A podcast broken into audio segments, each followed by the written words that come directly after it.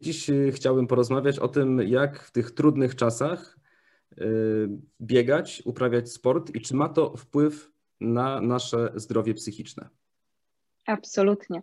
Absolutnie ma to wpływ i to ma wpływ um, przeogromny, często e, ignorowany gdzieś w środowisku, nawet psychoterapeutycznym, ale nie da się na człowieka spojrzeć inaczej niż holistycznie i całościowo, czyli tłumacząc to na taki ludzki, nieterapeutyczny język, po prostu nie da rady, żebyśmy czuli się psychicznie dobrze, nie dbając o swoje ciało i nie da rady, żebyśmy e, czuli się też dobrze fizycznie, nie dbając o swoją psychikę, czyli żeby zachować i dobre samopoczucie, i dobrą kondycję taką psychofizyczną, musimy zadbać o te dwa aspekty E, I oczywiście teraz e, myślę, że szczególnie w tych czasach, kiedy psychicznie jesteśmy mocno obciążeni lękiem, niepokojem, niepewnością, nie tylko o swoje zdrowie i życie w trakcie pandemii, ale także o takie aspekty finansowe, czy, czy w ogóle mamy globalny problem z poczuciem bezradności, które bardzo, bardzo, bardzo znacząco wpływa na nasze samopoczucie, skutecznie je obniżając. Dlatego teraz w tym czasie szczególnie ważne jest, żeby włączyć do, do naszej codziennej aktywności aktywność fizyczną, która w bardzo dużym stopniu jest w stanie zaindukować nam po prostu lepsze emocje, lepsze samopoczucie. Potocznie jest nazywane wystrzałem endorfin i rzeczywiście coś w tym jest. Czy to musi być koniecznie jakiś ciężki trening, czy wystarczy czasami zwykły spacer do parku, do lasu, żeby przez pół godziny, trzy godziny sobie po prostu poddychać świeżym powietrzem? To wszystko jest, y, myślę, że to jest wszystko kwestią bardzo, bardzo indywidualną. E, osoby z nas, które zwykły uprawiać sport bardzo intensywnie, pewnie będą nudzić się na spacerze, także e, niech wybiorą coś takiego, co jest zgodne z ich preferencjami. Może jakby jakiś bardziej dynamiczny wysiłek, bardziej dynamiczny czy bardziej mocny trening.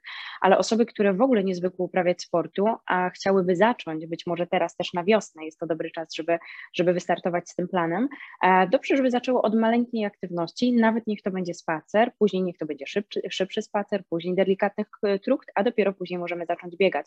Wybierajmy aktywność e, dopasowaną też do naszych możliwości fizycznych, E, to jest też bardzo ważne z aspektów takich, e, e, biorąc pod uwagę aspekty psychiczne i psychologiczne, żeby też się szybko nie zniechęcić, bo jeżeli będziemy obierać sobie bardzo wysokie cele i nie będziemy w stanie ich zrealizować, co jest absolutnie naturalne, bo cele należy tak realizować w sposób stopniowy i zadaniowo przechodzić od zadań łatwiejszych do trudniejszych. Jeżeli zaczniemy od zbyt trudnego, możemy bardzo szybko się zniechęcić, a też nie na tym to polega. Chodzi nam o to, że, żeby właściwie tą aktywność fizyczną wkomponować w nasz taki codzienny rytuał, czyli zrobić z tego trochę lifestyle, a nie jednorazowy wypad.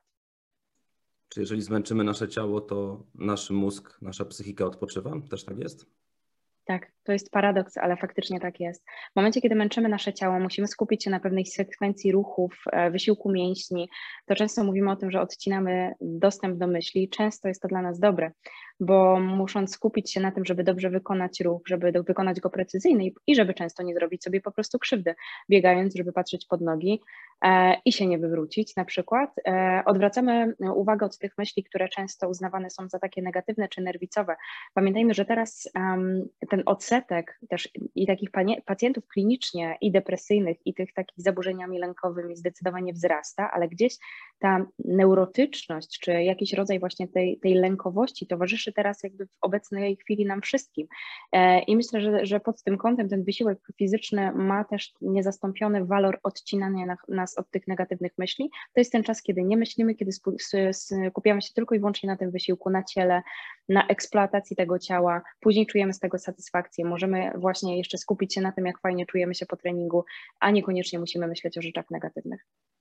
No właśnie, wspomniała Pani, jak się czujemy po treningu. To są, to są te endorfiny, o których biegacze często mówią, mhm. tak? To, to odczuwamy po treningu najbardziej, że czujemy się po prostu lepiej i te problemy, które życia codziennego gdzieś tam znikają chociaż na jakiś czas. Tak, tak, bo rzeczywiście tak jest. Człowiek, który pozwala sobie na regularny wysiłek fizyczny, w ten sposób trochę wysiłkując swoje ciało, daje odpoczynek umysłowi.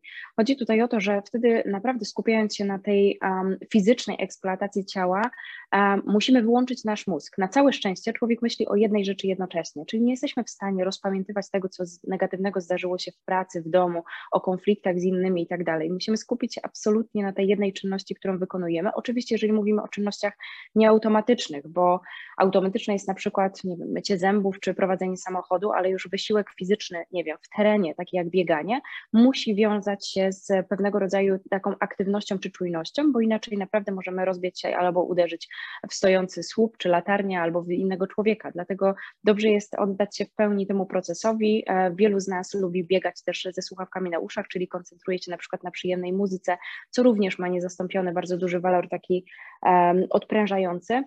I faktycznie jest tak, że po, całym, po, po samym treningu, po wysiłku fizycznym, kiedy e, to ciało jest takie wyeksploatowane, czujemy przyjemne e, rozluźnienie mięśni, takie powysiłkowe. E, wielu z nas też się cieszy z zakwasów, bo jest dumna z siebie, traktuje to jako dowód tego, że przełamaliśmy swoją strefę komfortu i jakąś barierę takiej słabości i rzeczywiście tak jest. Ja też namawiam do tego, żeby z tego być absolutnie dumnym, bo jest to zrobienie czegoś, co nie jest komfortowe, ale jest w perspektywie długoterminowej dla nas bardzo dobre i właściwie to jest taka kwintesencja psychoterapii, bo na tym ona polega e, w dużym skrócie.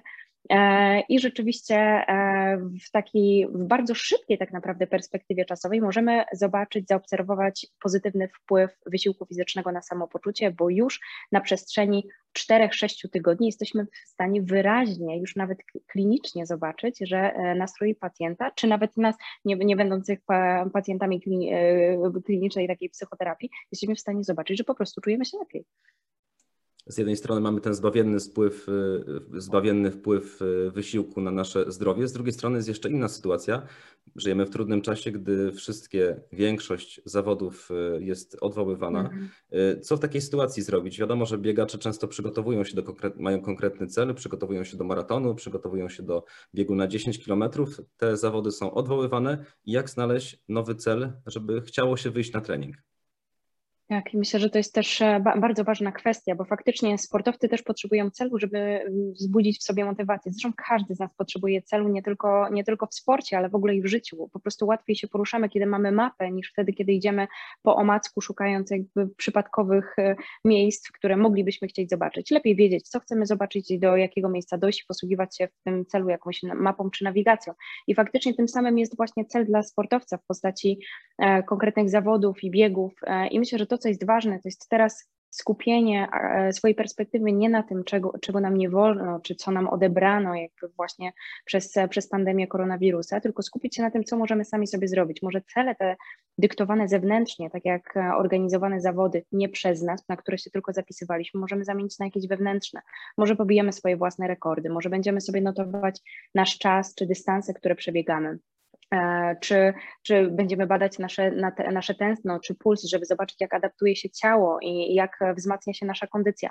E, pamiętajmy o tym, że kiedyś te zawody na pewno się odbędą, a na czas, kiedy jeszcze to jest takie niepewne, zachęcam, żeby odzyskać kontrolę, chociaż w takim stopniu, który przywróci nam tę motywację do tego, żeby trenować dalej, czyli kontrolę przywracamy w ten sposób, że sami nadajemy sobie cel, czyli możemy się zastanowić, wyciągnąć kartkę, długopis i zastanowić się, jak my jako jako sportowcy, jako osoby uprawiające sport amatorsko czy zawodowo, jakie cele chcielibyśmy osiągnąć, co jest dla nas ważne i wtedy można mierzyć się samemu ze sobą. Czyli możemy liczyć kilometry, które przebiegniemy w ciągu miesiąca, możemy rywalizować e, z kolegą, czy możemy na przykład liczyć trzy razy w tygodniu na 100% wychodzę i, i pobiegać?